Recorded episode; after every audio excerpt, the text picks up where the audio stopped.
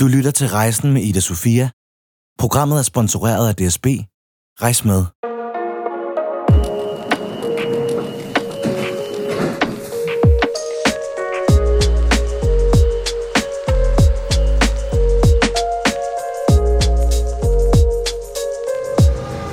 Jeg går her langs vandet nu, og øh, kigger op på den her gigantiske bygning. Det er byen, hvor i at jeg skal møde Pelle Peter Jensel, som både er radiovært, podcaster og ikke mindst DJ. Jeg glæder mig meget. Jeg er også ret nervøs, fordi jeg jo selv i min egen karriere har set ret meget op til ham igennem årene, og jeg håber, at han synes, at jeg er en, øh, er en god interviewer, når vi kommer ud på den anden side af samtalen. Men jeg glæder mig vildt meget til at tale med ham høre om hele hans personlige rejse fra øh, en lille by på Bornholm, og de kår, han ligesom er kommet fra dertil, hvor han er den dag i dag. Og ikke mindst øh, tabet af begge hans forældre, som er sket ret nyligt. Og øh, jeg, jeg håber bare, at han måske kan sætte nogle ord på, hvordan det har været at, at miste dem, og så også være blevet øh, far til to børn selv. Men nu skal jeg lige se, om jeg overhovedet kan komme ind i bygningen først. Der er enormt meget security, kan jeg se.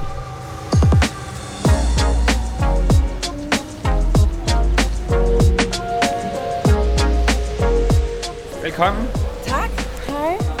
Her vej.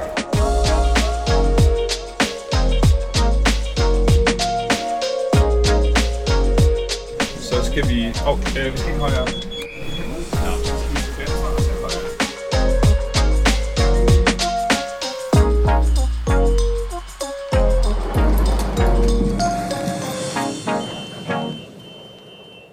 Pelle, jeg er kommet på besøg ude i DR-byen, mm. og vi sidder lige nu i et studie, som vi selv, som vi begge to lige har siddet og beskrevet som lidt meget kommunalt, lidt venteværelseagtigt på en måde. Ja, det ligner sådan en øh, dødens sauna, eller sådan noget. altså, der er helt gråt, og sådan en form for øh, tekstil på væggene, som jeg tror skal gøre det sådan lydtæt, lækkert. Mhm. Og så, så er der selvfølgelig en masse mikrofoner herinde, for det er et radiostudie, men det er hyggeligt at være her, fordi at vi er her sammen, men jeg vil ikke betragte lokalet sådan isoleret set som et hyggeligt lokale. Nej, Men, øh, men det er her, jeg har lavet sindssygt mange af de interviews, som jeg laver for tiden, til de podcast-serier, jeg, jeg laver. Så jeg tilbringer meget tid herinde, og det er et, øh, sådan, hvad kan man sige, rent radiomæssigt, et godt studie. Men måske ikke den, sådan, det fedeste sted at holde en fest, eller, eller gøre alt muligt andet. Så det er heldigt, at vi ikke skal feste lige nu, i Ja. hvert fald.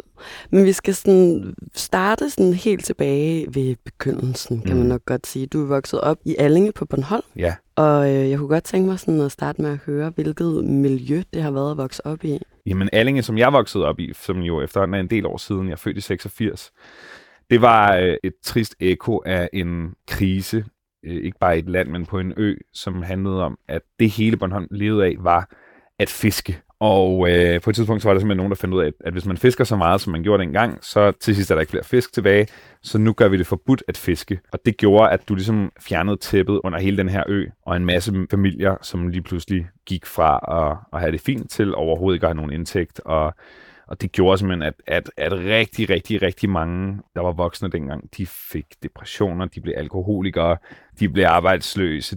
Så jeg blev lidt født ind i en, en lidt grå og lidt trist virkelighed, ret langt fra øh, Varflis og Krøllebølle og den idyll, som Bornholm jo også repræsenterer. Mm. Men det er ikke, fordi jeg føler, at jeg er vokset op i en ghetto eller noget. Jeg, jeg havde øh, to ret fine forældre, som var sådan nogle kreative typer. Gamle hippier og, og musikelskere, og på alle mulige måder meget, meget, meget øh, sådan kunstnerisk øh, nysgerrige. Og den nysgerrighed gav de heldigvis videre til mig. Så selvom vi heller ikke havde specielt øh, mange penge, så føler jeg stadig, at jeg har sådan, altså, haft en ret rig barndom målt på alt muligt andet, man kan få mm. med i Mm. bagagen. Og det var de meget øh, engagerede og passionerede omkring. De spillede aldrig børnemusik for mig, for eksempel. Altså, så skulle vi høre Jimi Hendrix eller Lou Reed, eller også så skulle vi... Øh, så skulle vi se en film med Hitchcock, eller altså sådan, da vi var Som små. barn? Ja, ja. Så får du også et vist sådan bundniveau. Rent kulturelt og kreativt. Det var selvfølgelig også det, der gjorde mig til den gigantiske nørd, som jeg er, mm. ikke? Mhm. Altså kæmpe musiknørd. Men ja, hvad fanden var Allinge for et sted? Det var et sted, hvor at man skulle være god, helst skulle være rigtig god til sport. Det var jeg desværre ikke.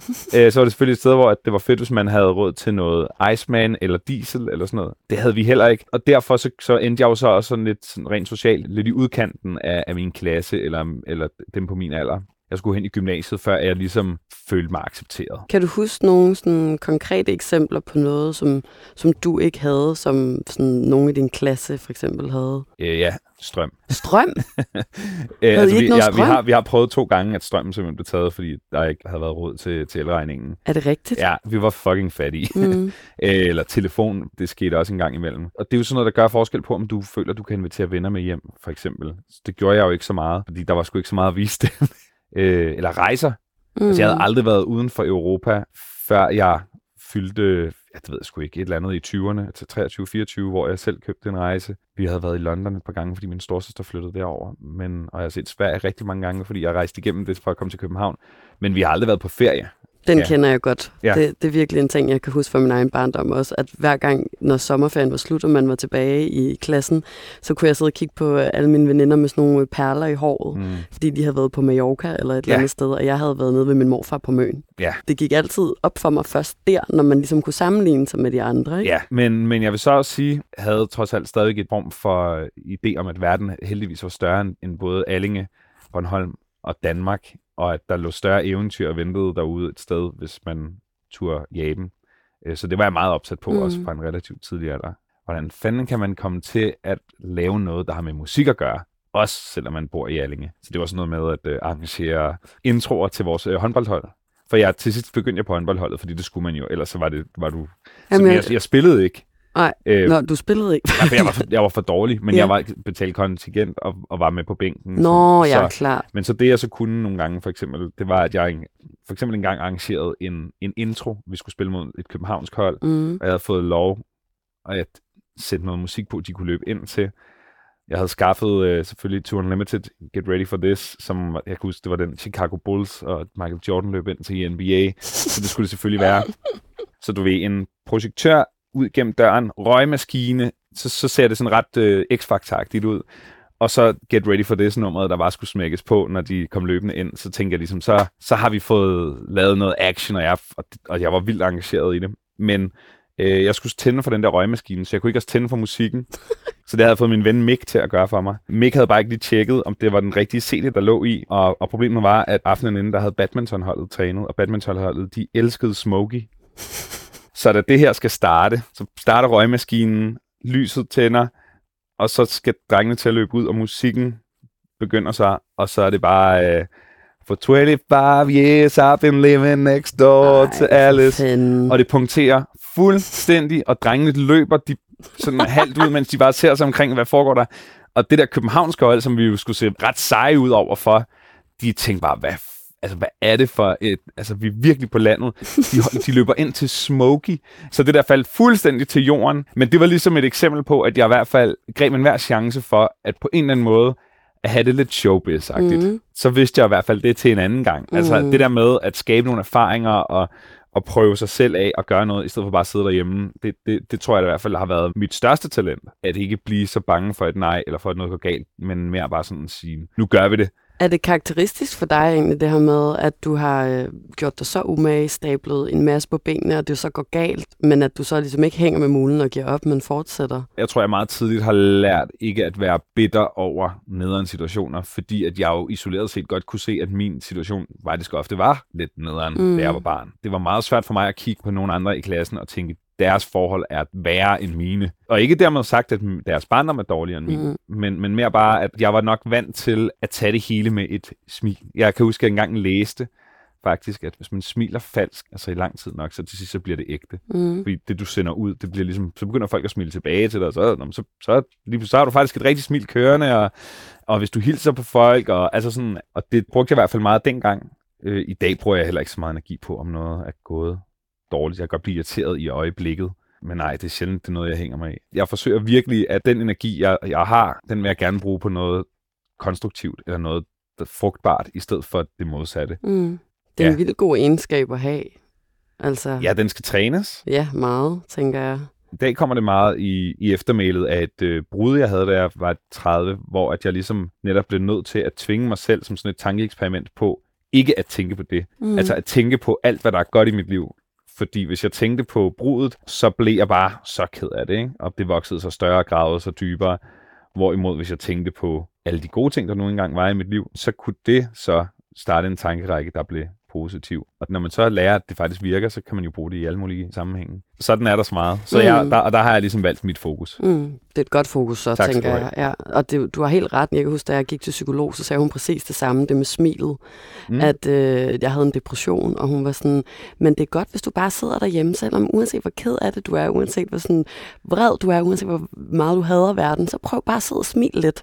Og sådan, så meget du overhovedet kan. Og jeg har også bare sådan et billede af mig selv hjemme på min seng, sådan set udefra, fuldstændig deprimeret, helt ned i gulvkælderen, der bare sådan prøver at tvinge et smil frem på min mund. Sådan. Og til sidst så sidder jeg også bare og begynder at grine, fordi jeg sådan, Mm. det her er jo så latterligt.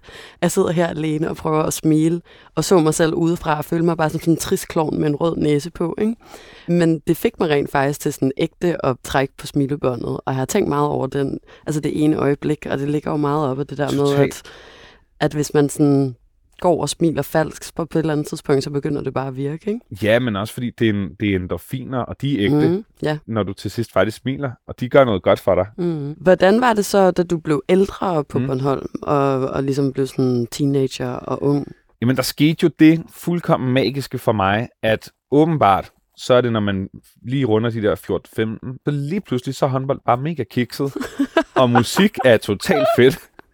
Og det må jeg bare lige sige, det var rigtig dejligt for mig, fordi jeg var super dårlig til håndbold, men jeg var sat med god til det der med musik, og var meget passioneret omkring det.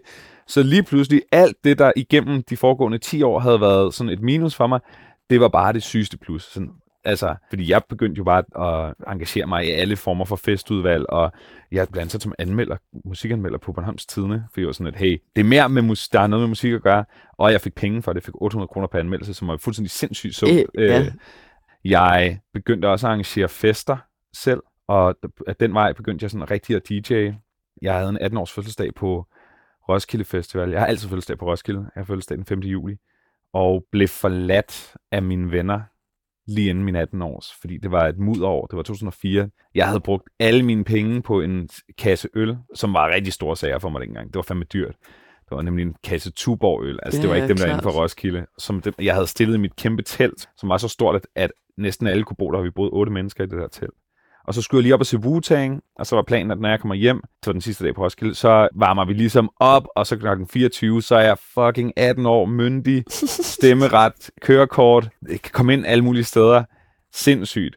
Og så øh, kommer jeg tilbage til lejren, og så er teltet tomt. Det er fyldt med mudder, fordi folk er ligesom gået rundt derinde med deres øh, dejlige sko på, og øh, øllen er væk. Nej, jeg, skulle lige, jeg sad og ventede Nej, på, ølkassen har de har er taget, og så ligger der et postkort af en art, hvor der står, vi bliver nødt til at gå. Tillykke med fødselsdagen. Ah, nej! Og så var jeg bare, jeg følte mig så svigtet, fordi jeg var sådan, det, det her telt, den her lejr, det er min 18 års, og nu er jeg alene. Og så, øh, så talte jeg med dem, ringede og var sådan, hvad sker der? Ej, men der var så meget mudder, og de var kolde, og det var også sidste dag, og de fleste ville også bare hjem til Bornholm. Nå, okay, men så I, smut, I valgte ligesom at smutte, mens jeg var ved. Ja, okay. Så lå jeg alene i det der telt, da klokken blev 24. Og så fyldte jeg den alene Nej, i ej, det der mudder. Og så var jeg sådan, at det skal kraftedme være løgn. Det her, det er ikke min 18-års fødselsdag. Det her, det er aldrig sket.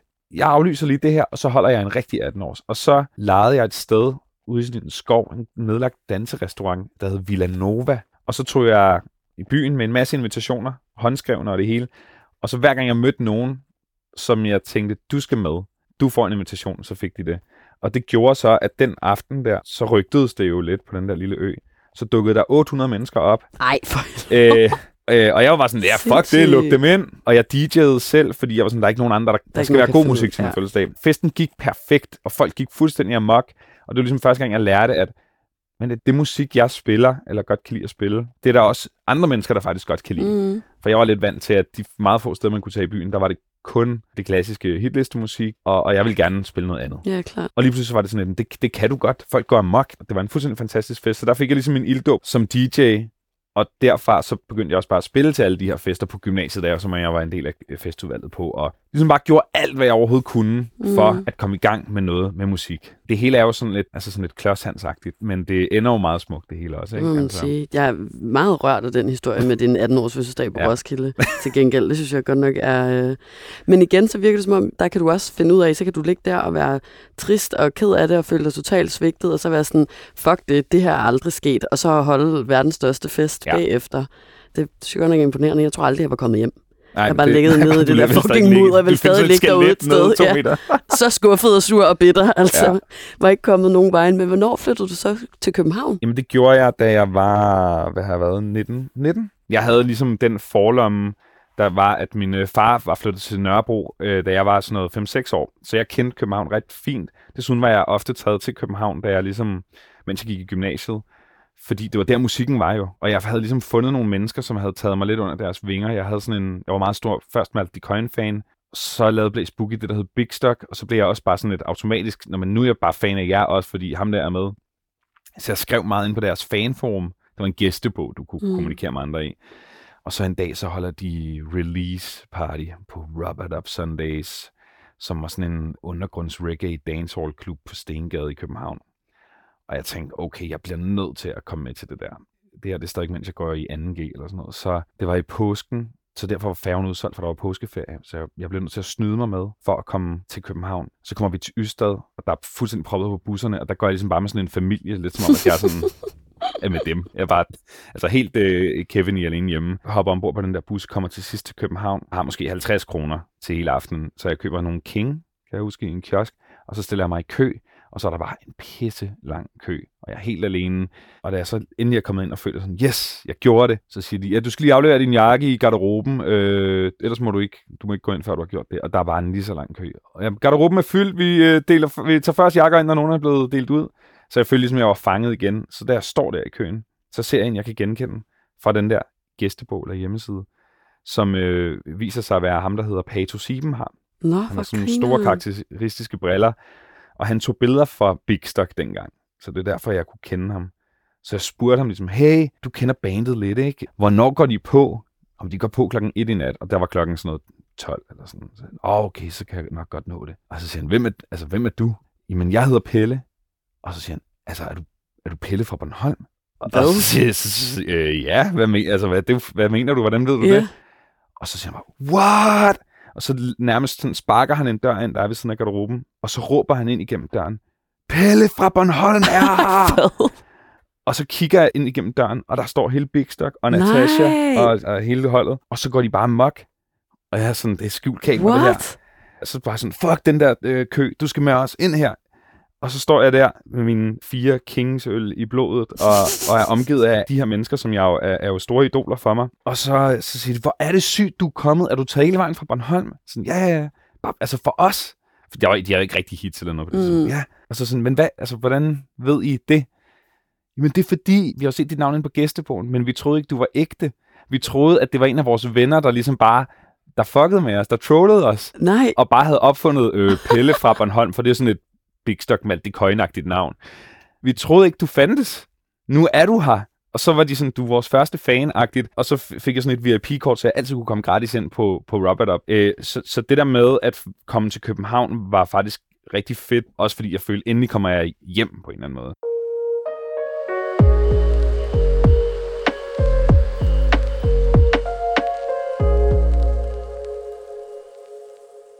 Hvad drømte du egentlig om, at du skulle være? Du elskede musik, og, sådan, Ja. og, og du DJ'ede allerede. Var, var det DJ, det var den store drøm, eller var det noget andet? Jamen egentlig bare alt med musik var sådan lidt overskriften, tror jeg. Jeg havde aldrig, jeg havde aldrig lagt en plan på den mm. måde, men jeg havde mødt en, jeg varmede op for en gruppe, der hed Rent Mel en gang på Bornholm. Og DJ'en i den, i det band, han hed Christian Møller, eller DJ Møller.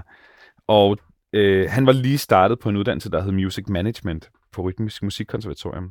Og vi holdt efterfest op på mit værelse i Rønne med hele rent mel og øh, bunke af mine venner. Og, altså, ja, ja, om det var virkelig Det har Og været crowded. det var det. Alle vidste, det var der, der var fest, så der var rent mel også. Og så sagde Christian, det var som om, man ligesom, han kunne måske godt sådan se, okay, ham der, han tager det ret seriøst, det her. Mm. Så han, jeg kan huske, han sagde til mig, prøv at, jeg har lige startet på den her uddannelse. Den er helt vild. Jeg tror, den er lige noget for sådan en som dig. Du brænder jo helt tydeligt for musik. Mm. Det her, det er en uddannelse, som hvis du gerne vil have et job i musikbranchen, for eksempel, uh, på en festival eller et pladeselskab, eller hvad ved jeg. Og da han sagde, det var sådan et, altså findes den her, det lyder jo for sindssygt. Det føles som en uddannelse, der ikke er en uddannelse. Mm. Altså, så den uddannelse blev faktisk lidt drømmen for mig, at forsøge at samle erfaring og generelt bare gøre, gøre mig til, sådan, således at jeg kunne komme ind på den uddannelse, for de optog kun seks om året, så det var sådan en, man kunne ikke bare lige melde sig til. Søgte du flere gange? Ja, ja. Eller? Søgte en gang, hvor jeg lige præcis ikke kom ind, ringede de til mig bagefter og sagde, vi vil gerne lige se, hvor meget at du mener det. Vi vil gerne se dig have noget mere erfaring. Men med alt, hvad du har fortalt, har alligevel haft en del erfaring, føler jeg. Ja, men jeg var jo op mod folk, der... Altså for eksempel ham jeg kom i klasse med, han var bassist i Figurine, som på det Ja, tidspunkt okay. havde været på x antal Europaturnéer, og, og jeg havde med al respekt altså været med et festudvalg og lavet en skoleradio og DJ'ede lidt på rust. Arbejdede også på det tidspunkt på noget pladeselskab. Men altså sådan andet år søger jeg så ind. Og det er helt fucked, for der har jeg så netop for at skaffe mig lidt øh, erfaring, sagt ja til at være turmanager i Tyskland for det band, der hed The Floor is Made of Lava. Og den der turné, det er bare sådan noget med, at da der er allerflest, det er der i Hamburg, der, der er der måske 50-100 mennesker, og resten af turen er bare sådan noget 10 mennesker. Den er helt, det er helt galt. Ham der bookeren, han har lagt de der jobs, så de rent kronologisk ligger så langt fra hinanden som overhovedet Ja. Så jeg kører den der bil mellem 6 og 8 timer hver dag. Fy for satan. Og så fester vi jo bagefter, Ja. ja. så man sover lige tre timer, og så ud og køre i december igen i, i en lorteturbus, der var pissekold. Nå, efter 12-13 dage af det der, vi kommer hjem til Danmark den dag, hvor der er deadline for ansøgning, og jeg er knast i mit hoved. Min hjerne fungerer ikke. Jeg har ikke sovet i to døgn på det tidspunkt og kører den der dumme bil. Kommer hjem klokken 7 om morgenen, og så skal jeg gå i gang med at skrive ansøgning, som skal være der inden klokken 12 om formiddagen. Og Tobias, der er frontmand i The Voice of Lava, han, han sidder på en messenger og pep-talker mig, holder mig Åh. i gang, holder mig vågen. For jeg skal, man skal skrive et essay som en del af ansøgningen. Det kan jeg jo overhovedet ikke i stand Ej, til. det er også sygt, du ikke har forberedt dig der lidt bedre. Ja, men jeg har jo hjem, været og på så- tur. Ja. Jeg tænkte bare, jeg får, dem får jeg sgu da skrevet i løbet af turnéen. Aldrig. Aldrig. Men jeg får, jeg får stykket et eller andet sammen der, og sendt det ind. Og så kommer jeg fandme ind Fuck, det er vildt. på et afbud, fordi at der er en eller anden, der er blevet smidt ud af klassen, så de har en ekstra plads. Okay, så det er så jeg, faktisk... det er sådan noget, det er et mirakel med et mirakel ovenpå. Men jeg kommer ind, og det er bare mega fedt, for den uddannelse der, den er sådan et grundkursus i alt, hvad der har med musikbranchen at gøre. Det var lige præcis det, jeg havde brug for på det tidspunkt. Og, og ja, og drømmen var så på det tidspunkt i hvert fald en dag måske at komme ud og få et job på et pladselskab. Det havde mm. Været rigtig sindssygt. Og så kommer du så ind på den her uddannelse med nød og næppe, og kommer i praktik herude på DR. Simpelthen fordi, at det går op for mig, da jeg er ved at være færdig med uddannelsen, at jeg stadig ikke helt har forstået, hvad et hit er.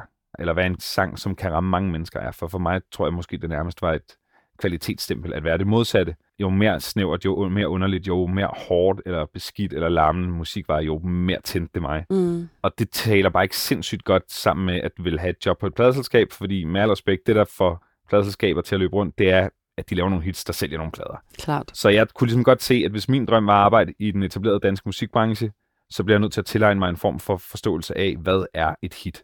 Hvordan skaber man et hit?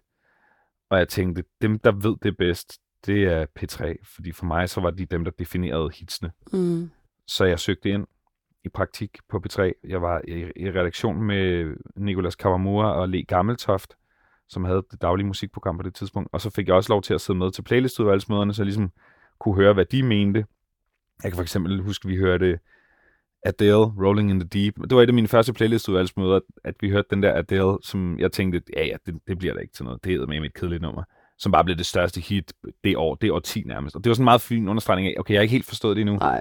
men øhm, efter det her halve år, så havde jeg måske både forstået lidt af, hvad et godt radionummer er, men jeg havde også ligesom opdaget, at radio er sjovt, og det der skete, for det her, det var i sådan noget 2010, 2011, det var, at der begyndte at røre nogle ting på sig i dansk musik, som var øh, ret spændende. Det var øh, en Casey, en Kid, Chef, BOC.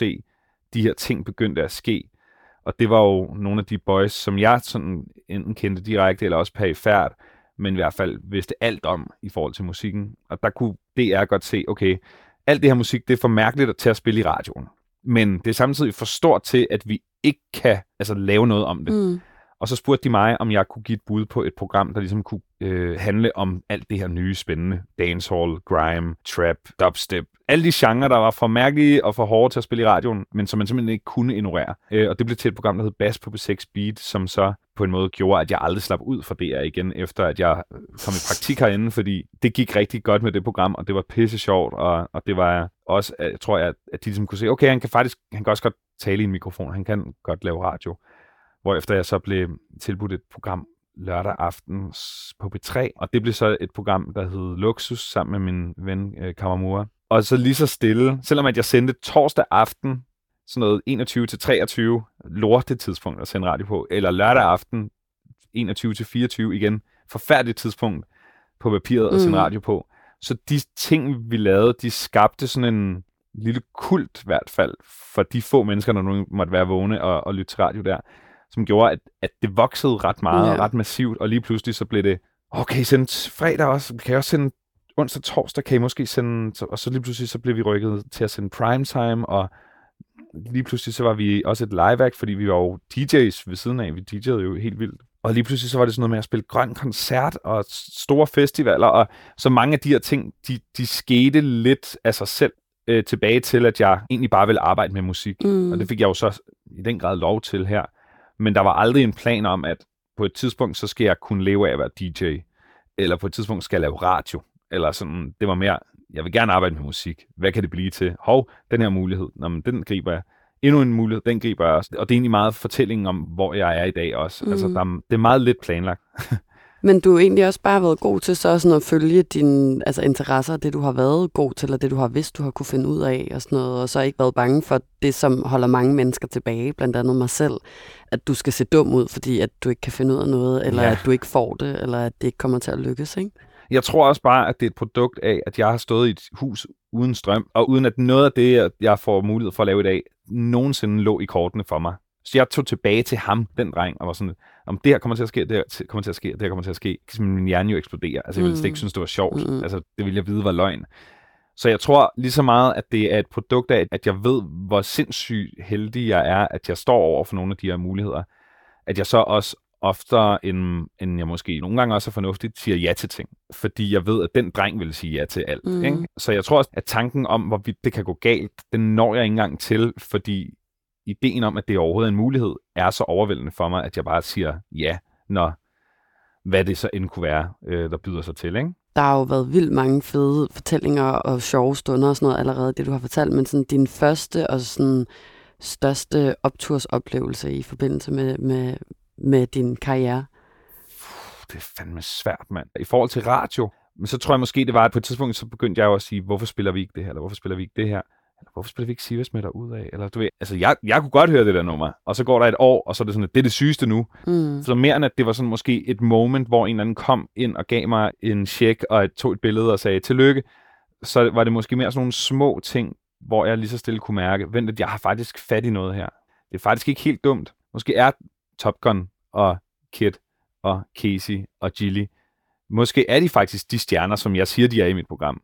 Ja, øh, jo, til selvfølgelig første gang, vi skal spille på med Luxus på Grøn Koncert. Du spiller jo for op mod 40.000 mennesker. Altså, det er totalt fucked. Det er ikke øh, normalt. Og, og alene af den årsag var der nogen, der var ved at sige, at det må I ikke, fordi vi, vi er simpelthen bange for, at det kommer til at fejle for sygt. Mm. Og det kan, det kan DR ikke have siddende på sig.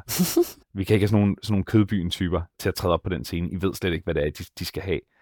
Til at, at vi så ligesom slog rekorden for, hvor mange mennesker, der kunne være på grøn på det ret dårlige spilletidspunkt, vi havde fået. Og naile den. Altså sådan, okay, vi kan godt vi kan godt lave de her ting også. Vi kan godt spille for rigtig mange mennesker og lave et show, som en familien Danmark synes er fedt Mm. mm. også. Det er mere sådan nogle, jo, så sådan noget, som er, en, altså det er jo altid sjovt at lave sådan nogle interviews med, øh, altså jeg tror, MIA er nok sådan det mest starstruck, jeg nogensinde har været i hvert fald. Fordi hun er det vildeste menneske i verden, ikke? Og jeg har dyrket hendes musik så voldsomt. Så, sådan nogle minder er der selvfølgelig Mm. også altid. Det er virkelig nogle gode eksempler. Jeg kan rigtig godt lide den der egentlig med, når du opdager lige så stille, at du faktisk har fat i noget, og at du faktisk ved noget om noget. Og at, altså sådan, det, er en, det er en sjov ting, det der med, når man lige pludselig får den der slags åbenbaringer undervejs i sin karriere, eller bare i livet. Ikke? Ja, helt vildt. At man sådan opdager, gud, jeg, jeg kan faktisk godt finde ud af det her, selvom at jeg troede, at jeg ikke var så god til det, eller Ja. hvad ved jeg. Det, det er virkelig vigtigt at sådan dvæle ved sådan nogle ting, synes jeg. Ja, men øh, altså 100 procent, fordi det er jo også det, der gi- giver en en form for selvtillid, der gør, at mm. Man måske også lidt blind tør springe ud i nogle ting, ja. Så man tænker, det skal sgu nok gå. Det er jo i hvert fald gået de andre gange. Mm. Og det lyder meget som om, hvis vi skal vende sådan lidt tilbage til starten af interviewet, hvor mm. du taler om dine forældre, som jo ligesom virker det til, har været grundstenen for hele din interesse i musik og kunst og alt den slags. Og jeg ved, at du har mistet begge dine forældre på nærmest, altså meget, med meget tæt. Ja, et halvt år Ja. øh, gav de mig lige, før den anden også smuttede her tidligere i år, begge to. Hvordan var de dine forældre? De var jo faktisk nogle kæmpe legender, altså på, på hver deres måde. De var som sagt ret entreprenante og sådan, ja, kunstnerisk interesserede. Jeg tror, de kom lidt ligesom mig, så kommer de begge to fra hver deres hul.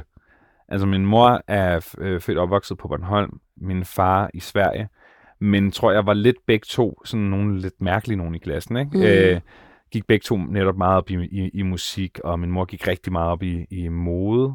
Altså ligesom søgte begge to det skønne i livet.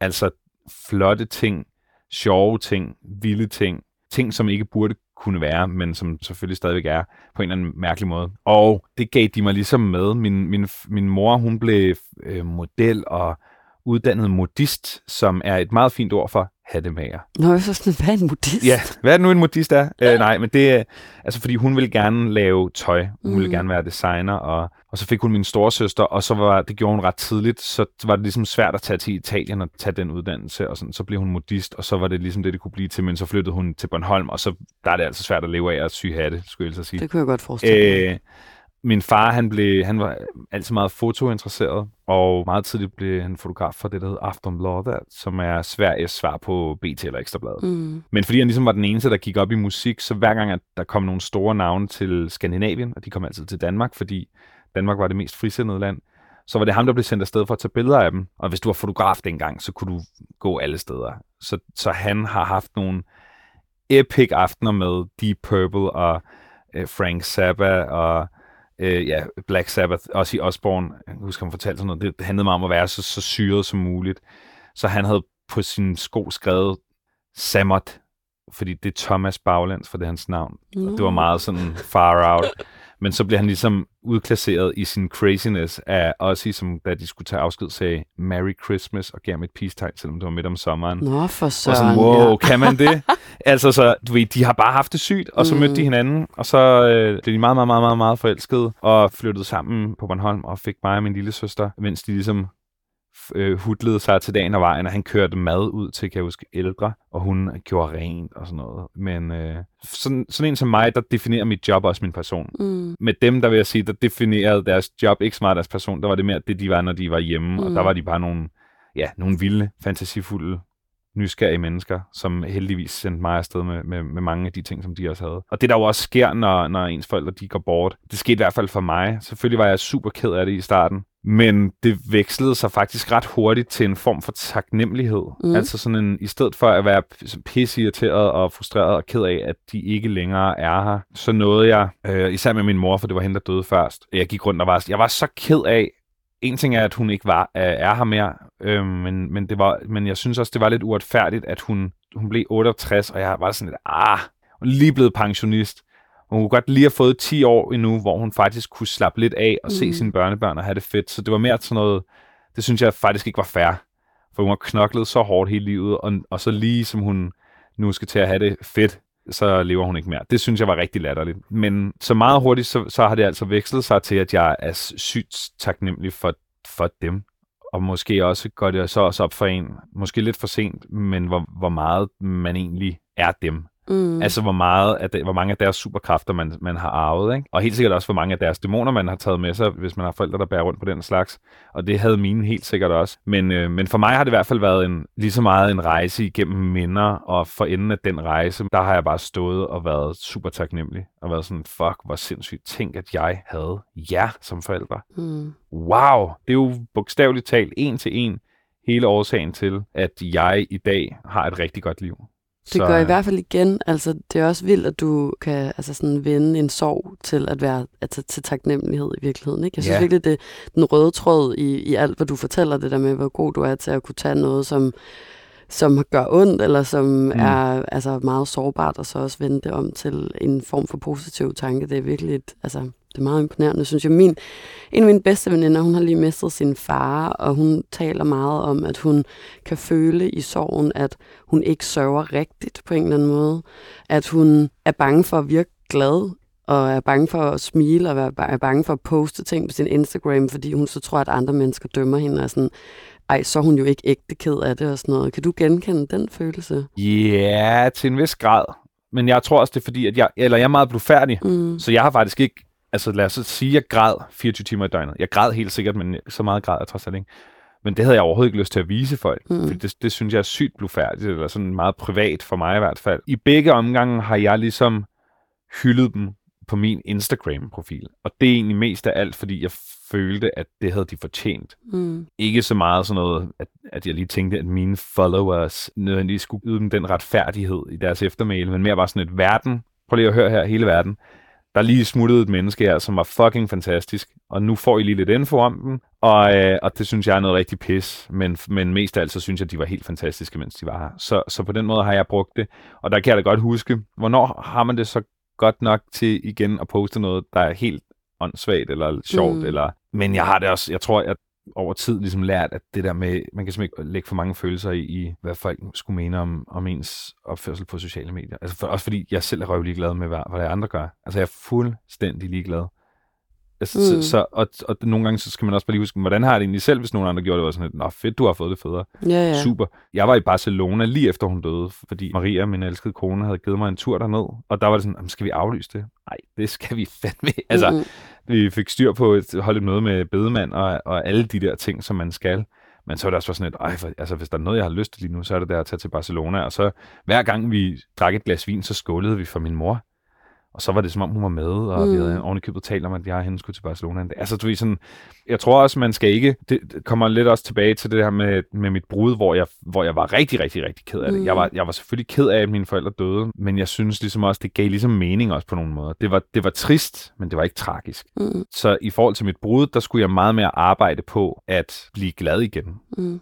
Og når du først har skulle kæmpe så hårdt for at blive glad, så tror jeg, du på en anden måde sætter ret meget pris på ikke at blive så hårdt ramt af de her ting. Men jeg har da gået og tænkt, Nå, hvornår kommer knækket så? Hvornår er det så, jeg sådan for alvor bliver slået i gulvet? Mm. Og det tror jeg ikke kommer. Jeg tror simpelthen, min taknemmelighed over dem, at det, der kommer til at være den dominerende følelse herfra. Men selvfølgelig bliver man jo overvældet i, i små øjeblikke af ens liv. For eksempel har jeg jo skulle rydde op i min fars hus, og hvor, hvor det bare sådan er gået op for mig, okay, han gemte alt, hvad, hvad jeg nogensinde har lavet til ham af små tegninger og dårlige læreaskebærer eller sådan noget. Så kan man jo godt, og så lige pludselig sådan, nej, hold kæft, han har fandme, han har bare savnet mig og min søster så meget, ikke? Og så når du står der og roder i de der ting, så kan man selvfølgelig godt blive mega overvældet og, og lige tude lidt. Men grundlæggende så, så tror jeg, at den følelse, jeg bærer med mig fra det her lidt sindssyge år, det er bare, at jeg endnu bedre ved, hvorfor at jeg var heldig at have dem som forældre. Mm. og hvad jeg skal tage med mig fra dem.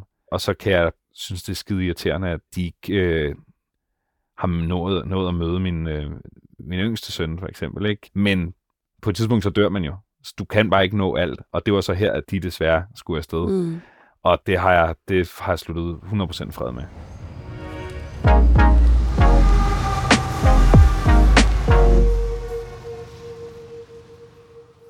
Har du oplevet en følelse af, at når du for eksempel står og rydder op i din fars ting, Mm. og bliver sådan meget berørt af det, og kan se for eksempel, at han har passet på alt, hvad du nogensinde har givet ham, og som du selv siger, savnet dig meget, sådan en følelse af sådan, ah, hvorfor fanden gjorde vi ikke lige det her inden, eller sådan et eller andet, du Ikke- ville ønske, ja. havde fået Ikke ordnet? rigtigt. Nå, men også fordi, jeg har sådan, at jeg synes, øh, jeg synes jeg har været en fin søn. Mm. Og du kan altid gøre mere. Og så lige pludselig, så er du ikke længere dig selv. Så er du nemlig bare nogens søn, eller nogens ven, eller nogens, i stedet for at være dig selv. Og jeg føler, at jeg havde en ret fin balance mellem at være nogen søn og også være mig selv. Men det eneste, jeg kan være lidt træt af, eller ked af, det var, at øh, jeg var der ikke, da nogen af dem døde. Min mor, hun blev ligesom... Øh, hun er bare faldet om, ikke? Og så blev hun fundet øh, af nogle folk, der altså noget politi, fordi hun ikke øh, åbnede sin dør. Det er jo, hvad det er. Men min far, han var indlagt. Han var meget øh, gammel, især fysisk. Så derfor blev han indlagt, og jeg var selvfølgelig over lige at se til ham, og fordi det var jo også på Bornholm, så, så det kræver lige, at man tager derover. Og han havde det sådan ret bims. Han, havde, han var lidt et andet sted rent Ja. mentalt. Men de sagde ligesom alle, som prøver at vi, vi skal bare lige have styr på ham, og så skal han lige, øh, skal lige genoptræne et ben og sådan noget, så er det super. Fint, skønt. Og så, øh, så går der lige et par dage, og så ringer de og siger, at han er lige, faktisk lige blevet indlagt igen, fordi han havde hostet noget blod op. Men øh, så vi ved ikke lige, om vi får ham tilbage på vores afdeling i aften eller i morgen. Og så tænker jeg, "Nå, okay, igen, fint. Godt, at de holder øje med ham og tager det alvorligt. Og så der, der om eftermiddagen, og lidt senere på eftermiddagen, så ringer jeg ligesom bare lige igen for at høre, "Nå, men hvordan går det så med ham nu? Er han kommet tilbage hos jer? Eller nej, der, de er lige i gang med at undersøge nogle infektionstal og sådan noget. Men du kan jo ringe senere. Han har vist noget med åndedrættet eller sådan noget. Nå, ja, nå, øv, øv. Det lyder jo fint. Mm. Og så ringer jeg så igen på aftenen. De siger, der er lige en læge, der er i gang med at undersøge om nu. Der er vist stadig lidt besvær med, med det der vejrtrækning der. Men hun kan jo lige ringe tilbage til, når det er. Ja, ja, fint. Så går jeg en aftentur med min datter. Hun skal sove. Så derfor går man lige en tur med den der klapvogn. Det tager en halv time. Og så tænker jeg, prøv, jeg, jeg kan se, hun ringer. Men jeg kan, ikke, jeg kan simpelthen ikke gå og tale i telefon nu. fordi så sover den der baby aldrig. Mm. Jeg, jeg ringer tilbage, når, når hun sover. Så går jeg den der halve times tur og kommer tilbage, og så ringer jeg til lægen, og så siger jeg til den der lægen, du skal bare lige vide fra start af, altså jeg ved godt, at min far han er temmelig gammel og slidt, så hvis der er noget, du skal sige til mig, så bare sig det, du ved, det er fint. Mm. Ja, nej, men han har det jo ikke så godt, og sådan noget. Nå, øv, ja ah, høje infektionstal, og han har det lidt, han har svært ved at trække vejret. Men vi har forsøgt at give ham noget bedøvende eller noget afslappende, så han ligesom trækker vejret lidt mere roligt. Og så, men hvordan, altså er han glad, eller... Jamen, han laver, han laver sjov, som han jo, det lægger meget til ham, men han, han siger ikke så meget og sådan noget. Så siger, nej okay, men han er jo også, altså, lidt gammel og lidt øh, slidt, og Ja, ja, altså han er jo... Vi får svært ved at rette ham op, som det ser ud lige nu. Jeg ved ikke, hvad det betyder. Mm, jeg tænker bare, det, Ret ham op. Ja, ja, han går nok lidt mere tilbage, end han går frem. Nå, okay, men ja, jeg havde faktisk også tænkt mig at komme over i morgen, lige siger. Ja, altså, vi tror ikke, han overlever natten. Nej, hvad? sådan, what? Men, Hold da op. Hey, Ja. øh, det var derfor, jeg sagde i starten, du må Ja, godt lige ja. sige.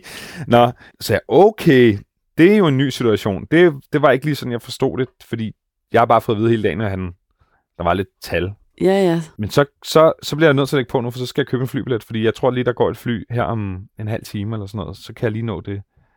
Ja, jamen okay, ja, hej. Og skynder mig ind, køber en flybillet, bestiller en taxa, Wow. og da jeg så sidder i taxaen, så, øh, så kan jeg se, at du besvarer opkald, og så øh, ringer jeg op til telefonsvaren, og så siger hun, ja, øh, mens vi talte, så gik han desværre bort. På en telefonsvarer? Ja. Det er Ja, jo ja. fucked up ud over Nå, det. jamen, så, det, så sad jeg der i taxaen for sådan et, okay, for et par timer siden, så var det et spørgsmål om, hvorvidt han kom tilbage i aften eller i morgen, og Ja. n- nu er han død. Og det, der var rigtig latterligt ved det, det var, da jeg så dukkede op hos ham, og så talte jeg jo selvfølgelig med den meget søde øh, sygeplejerske, der havde siddet sammen med ham, og hun fortalte, at han havde ligesom kaldt på mig, bedt om, om mit Ej. navn specifikt. Men øh, sygeplejersken vidste ikke, øh, at jeg var hendes søn, men hun kunne godt genkende navnet. Hun var sådan lidt, han er godt nok vild med ham radioverden Nej. men havde ikke ligesom givet ham hans telefon, som han havde bedt om, eller sådan, fordi ja, det er en, det er en gammel mand, der taler i tunger. Til sidst havde hun så givet ham telefonen, og han havde sagt koden, og hun havde låst den op, og så var han ligesom Nej. i det sekund desværre død, ikke? Ej, for fanden, Ja, og det er jo bare, hvad det er. Det er jo trist, det er uheldigt, Ja, ja. sådan er det. Men det er måske det eneste, hvor jeg lidt føler, ah, der ville jeg faktisk godt lige have været der. Fordi hvis han har sådan siddet og, og selv gerne ville have haft, at jeg var der, mm. så vil jeg selvfølgelig gerne være der til at holde ham i hånden, eller et eller andet. Hvad man, Men man tænker end du ikke over, sådan, hvad han ville sige, hvis han ville ringe til dig? Eller det, Jo, jeg føler, men- det ville være sådan en tanke, der kommer op i Jo, mit men jeg tror ikke, han, han var ikke så meget ved sig selv. Altså, han var lidt diffus, så jeg tror ikke, han havde sagt noget særlig meningsfuldt. Nej. Men for mig handler det heller ikke så meget om, hvad han havde at sige til mig, men mere måske, hvad jeg kunne sige til ham, mm. når nu Mm. vi øh, alle i lokalet vidste, at det var nok noget af det sidste, han ville høre. Så der kan jeg godt huske, at jeg var sådan lidt, åh, det kan da i hvert fald godt irritere mig, at det gik så stærkt, da det så skete med ham, ikke? Fordi at han, øh, han var jo heldigvis ikke alene, og han blev holdt i hånden af en rigtig, rigtig, rigtig dygtig og sød øh, sygeplejerske og sådan noget. Men, øh, men ja, hvis der, er- der er en enkelt lille ting, som er sådan lidt, åh, så var det det. Ja, men det altså, forstår jeg godt. Men, Men- altså, det var jo ikke noget, du kunne lave om på. Nej, nej, netop. Så det er ikke sådan noget, jeg går ud og hovedet hænder. med, eller noget. Nej. Altså, det lyder fuldstændig sindssygt at miste øh, sine forældre inden for et halvt år. Det er det jo også, men jeg er på mærkværdig vis et okay eller et ret godt sted. Mm. Ja. Det er jo også meget forskelligt med, hvordan man dealer med sorg, eller hvor, hvor indsigtsfuld man er i sin, sin egen følelser, og hvordan man kan finde ud af at sætte ord på ting og sådan noget. Så det, er jo, det tror jeg virkelig også betyder meget, når man gennemgår den slags. Ikke? Altså, hvordan man ikke bare går og brænder inde med ting, Jo. og bliver vred på verden, og synes, at det hele er uretfærdigt, men at man godt kan finde ud af at, at mærke efter og føle, og netop sådan, om det giver nogle ting til noget positivt og noget taknemmeligt, og Fuldstændig. Og det er også skrige bare... op, hvis man har, lige har brug for det engang. Men, Og, det er ikke, og jeg tror, den største uretfærdighed, jeg føler, handler mere om deres liv, end om deres død. mm, Altså det handler meget mere om, åh, hvor havde de egentlig fortjent trods alt nogle, nogle lidt federe rammer, Ja. end, end dem, de havde. Men omvendt har det også sådan et, hold kæft, de har haft nogle sindssyge liv, men de har kunnet tække langt de fleste ting af, og altså, det er altid trist, når nogen dør, men det er jo ikke altid en tragedie, når nogen dør, og det synes jeg ikke, det har været i, i nogle af de her tilfælde. Nu nævnte du før, at også noget af det, du var mest ked af omkring det, var, at de blandt andet ikke nåede med møde din sådan, yngste søn. Mm. Har det påvirket din måde at være forældre på, at have mistet begge dine forældre, så tæt på, at du også selv har fået børn? altså, det påvirker mig på den måde, at der er ofte ting, jeg gerne vil tale med min mor om. Eller sådan, jeg vil sige, åh oh, shit, du var alene med, øh, med mig og min, øh, min lille søster, da vi var fire og to år, eller sådan noget. Ikke? Det er sådan, jeg har to børn nu. Vi er to forældre. Det er fucking hårdt. Hmm. Sådan, sådan, hvordan klarede du det?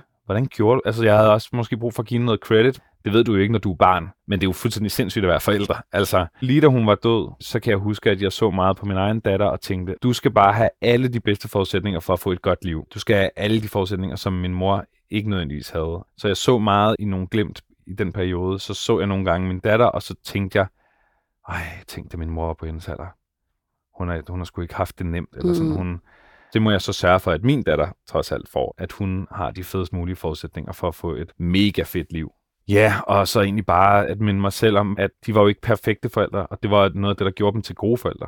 Det var, at jeg fik øh, selvbestemmelse og selvstændighed og kunne få lov at være den, jeg var og er. Og jeg som sagt blev taget meget seriøst meget tidligt som et ikke et voksen menneske, men som et komplet individ, hvis bare du så giver barnet forudsætningerne for at forstå, hvorfor noget er godt. Det synes jeg var er mega inspirerende, at jeg har aldrig set Power Rangers eller Turtles, eller hvad der nu var stort, jeg var lille. Vi, så så vi, jeg husker vi så, min mor viste mig meget, vi så en film, der hed Livet er smukt.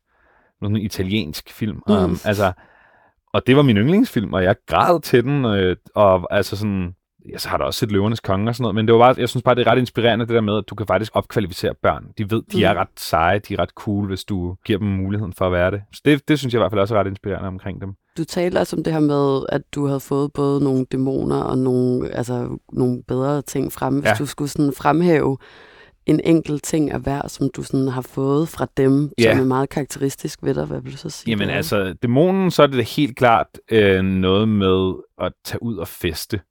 Altså, det har været en kæmpe del for dem, og har også øh, helt sikkert i perioder været øh, tættere på et misbrug end et forbrug. Altså, og det er så der, hvor jeg skal finde min balance. Mm. Fordi hvis du har et job som DJ, i nogle perioder af mit liv har jeg været ude og spille 4-5 dage om ugen, og her er lige en flaske vodka oveni, og så nogle gange er det måske meget godt lige at bremse op og være sådan, hov, hvordan, altså, er det, er det sundt, er det fedt det her, er det cool at være fuld hele tiden, øh, hvorfor har jeg lyst til det, hvor kommer det fra, mm. er det Mm. måske noget arveligt, altså du ved, så det er helt sikkert en dæmon, som har fået lov at ødelægge mere for dem, end det nogensinde kommer til at få lov at ødelægge for mig i hvert fald, som jeg er meget opmærksom på. Og det var igen også en psykolog, der skulle fortælle mig det, som jeg gik til, da jeg havde var igennem det her sindssyge brud. Mm. Og sådan, at nu skal jeg blive glad. Det går simpelthen ikke. Jeg har simpelthen været så intenst ked af det i alt for lang tid. Så nu må jeg lige gå op til en psykolog, og så må hun lige give mig nogle tricks til, hvordan jeg bliver glad. For det er vel sådan, man gør. Jeg har aldrig været til psykolog før.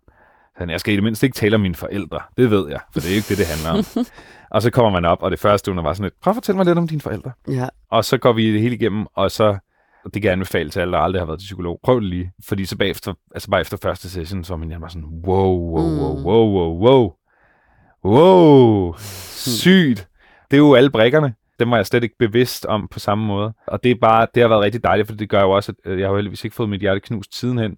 Men i alle mulige udfordringer, og i alle Mm. mulige hjørner af livet, så er da i hvert fald nu en del mere åben for lige at tænke, at hvordan gjorde mine forældre egentlig det her? Ah, okay, det er måske derfor, jeg reagerer sådan her, mm. eller det er måske derfor, jeg er bange for det her, eller det er måske derfor, jeg er hele tiden ved det her, eller... Fordi lige snart du er bevidst om det, så kan du også navigere i det. Så kan du også sige, så det skal jeg ikke, fordi det gik ikke så godt for Mm. dem, eller, øh, eller omvendt, det skal jeg gøre rigtig meget, fordi det, la la la, er gode ting, så må det bare være sådan en, jamen, altså, jeg ved, det, det er svært at pege på én ting, men jeg synes, at jeg i hvert fald er empatisk, og det var de også begge to, altså voldsomt, måske næsten for meget, altså... Øh, Hvordan er man for empatisk? Øh, jamen, hvis du øh, bliver ved med at negligere dig selv for hele tiden at gøre, at andre har det godt, ikke? Mm. Øh, det er sådan en overempati. Øh, nå, hvis det er vigtigt for dig, så gør bare det her. Ja, sådan grænseløs på en måde. Ja, men nej, empati, og så en, en insisteren på, at det smukke eller det skønne, smukke oplevelser, at det er sådan en hovedprioritet i livet. Mm. At det er nærmest det vigtigste. Det synes jeg i hvert fald er en styrke, fordi hvis du sjovt nok har den prioritet, så får du mange af de oplevelser, der virkelig gør livet værd at leve. Jeg vil sige, jeg er rigtig glad for, at jeg står et sted, hvor, jeg, hvor jeg i hvert fald har den type prioriteter også.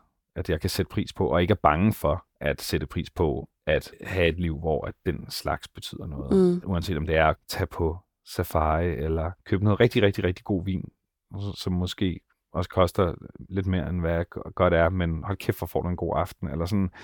Jeg tror måske det der med at, at investere i nuet, mere end investere i din pension.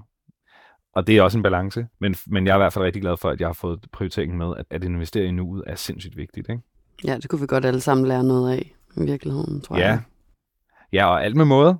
Jeg har også venner, som er, kun er i nuet. Ja. Det er lort nogle gange også, fordi ja, det er hårdt, Mm.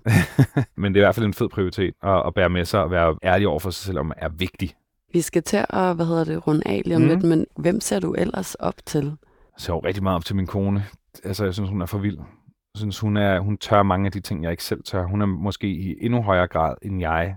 Sådan en, der følger sin intuition og forløser sine drømme på et niveau, som, man, som jeg tror, mange er bange for tur tro på, kan lade sig gøre. Mm. Hun har fået det kreative, det, det elskelige, kærligheden til, til alt det fede i livet.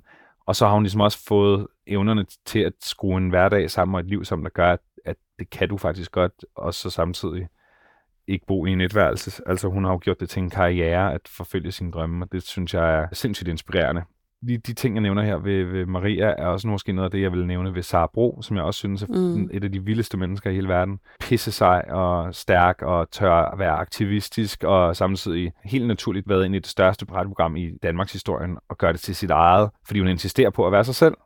Og en tredje, jeg kunne nævne, er Diplo. Det, som der inspirerer mig ved ham, det er, at han laver alt. Altså han gør alt. Han kan lave benhård, underlig undergrunds housemusik, men han kan også producere den nye single for Madonna, men han kan også lave et country-album, men han har også lige lavet det der Major Lazer.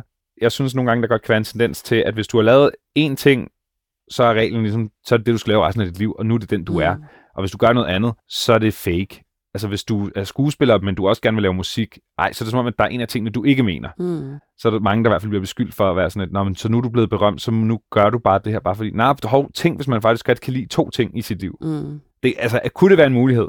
Jeg er i hvert fald meget inspireret af folk, som, som rent professionelt og i deres liv tør gå flere forskellige veje, og ikke være så bange for, at nogen så siger, hov, der er der noget, det er noget helt galt her. Det, det gjorde du da ikke sidste år, det der, så hvordan kan du lave det nu? Og det er jo blandt andet derfor, at selvom til Vangsprovokerende, at jeg så har skrevet en bog om knuste hjerter med min kone, fordi det ligger med al respekt sådan lidt langt fra, hvad, hvad jeg tror mange, før det i hvert fald, Mm. opfattede mig for værende for en, og hvad jeg kunne, og kunne tillade mig at sige noget semibegavet omkring.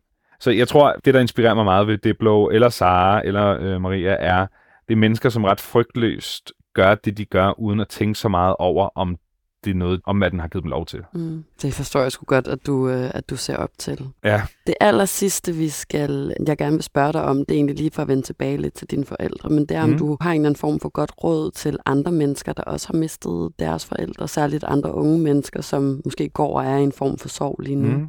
Jeg tror, og det tror jeg faktisk, at uanset om man har mistet, eller man står i en anden krise, Mm. så er det at huske, hvad er egentlig vigtigt, og hvad er godt i dit liv. Fordi det, der alle gange har fået mig videre, det er jo ligesom at fokusere på det, der er godt. For der er ikke nogen mennesker, som har et liv, hvor der ikke er noget godt. Hvor der ikke enten er nogle mennesker, der er gode, nogle venner, noget øh, andet familie, hvor der ikke er noget passion, noget du brænder for, som du kan begynde at bruge din energi på. Mm. Så mit bedste råd i verden må være, at hvis du har mistet dine forældre, så brug i hvert fald lige så meget energi på at være glad for alt det gode, de gav dig, som du gør på at, at være ked af, at de ikke længere er her. Og, og hvis det er en a- hver anden situation, så, så, så vil jeg bare sige, at det kommer også til at være det gode fokus, der kommer til at hive dig igennem det. Fordi hvis man bruger for meget energi på det negative, så forlænger du det bare. Til sidst så bliver det sådan en, nærmest en, en analyse af, hvordan man nærmest kan få det dårligere. Mm. Eller sådan. Man bliver simpelthen nødt til at hive sig op af det og, og tvinge sig selv videre. Det er en kamp, men den er fandme værd at tage, fordi når man så til sidst har vundet den, så hvor mærkeligt den lyder, så virker de der ting ikke vigtige længere, altså de dårlige ting. Og det er, det er dejligt at stå på den anden side. Mm. Tak. Selv tak. Tak fordi, at du ville tale med mig. Det var virkelig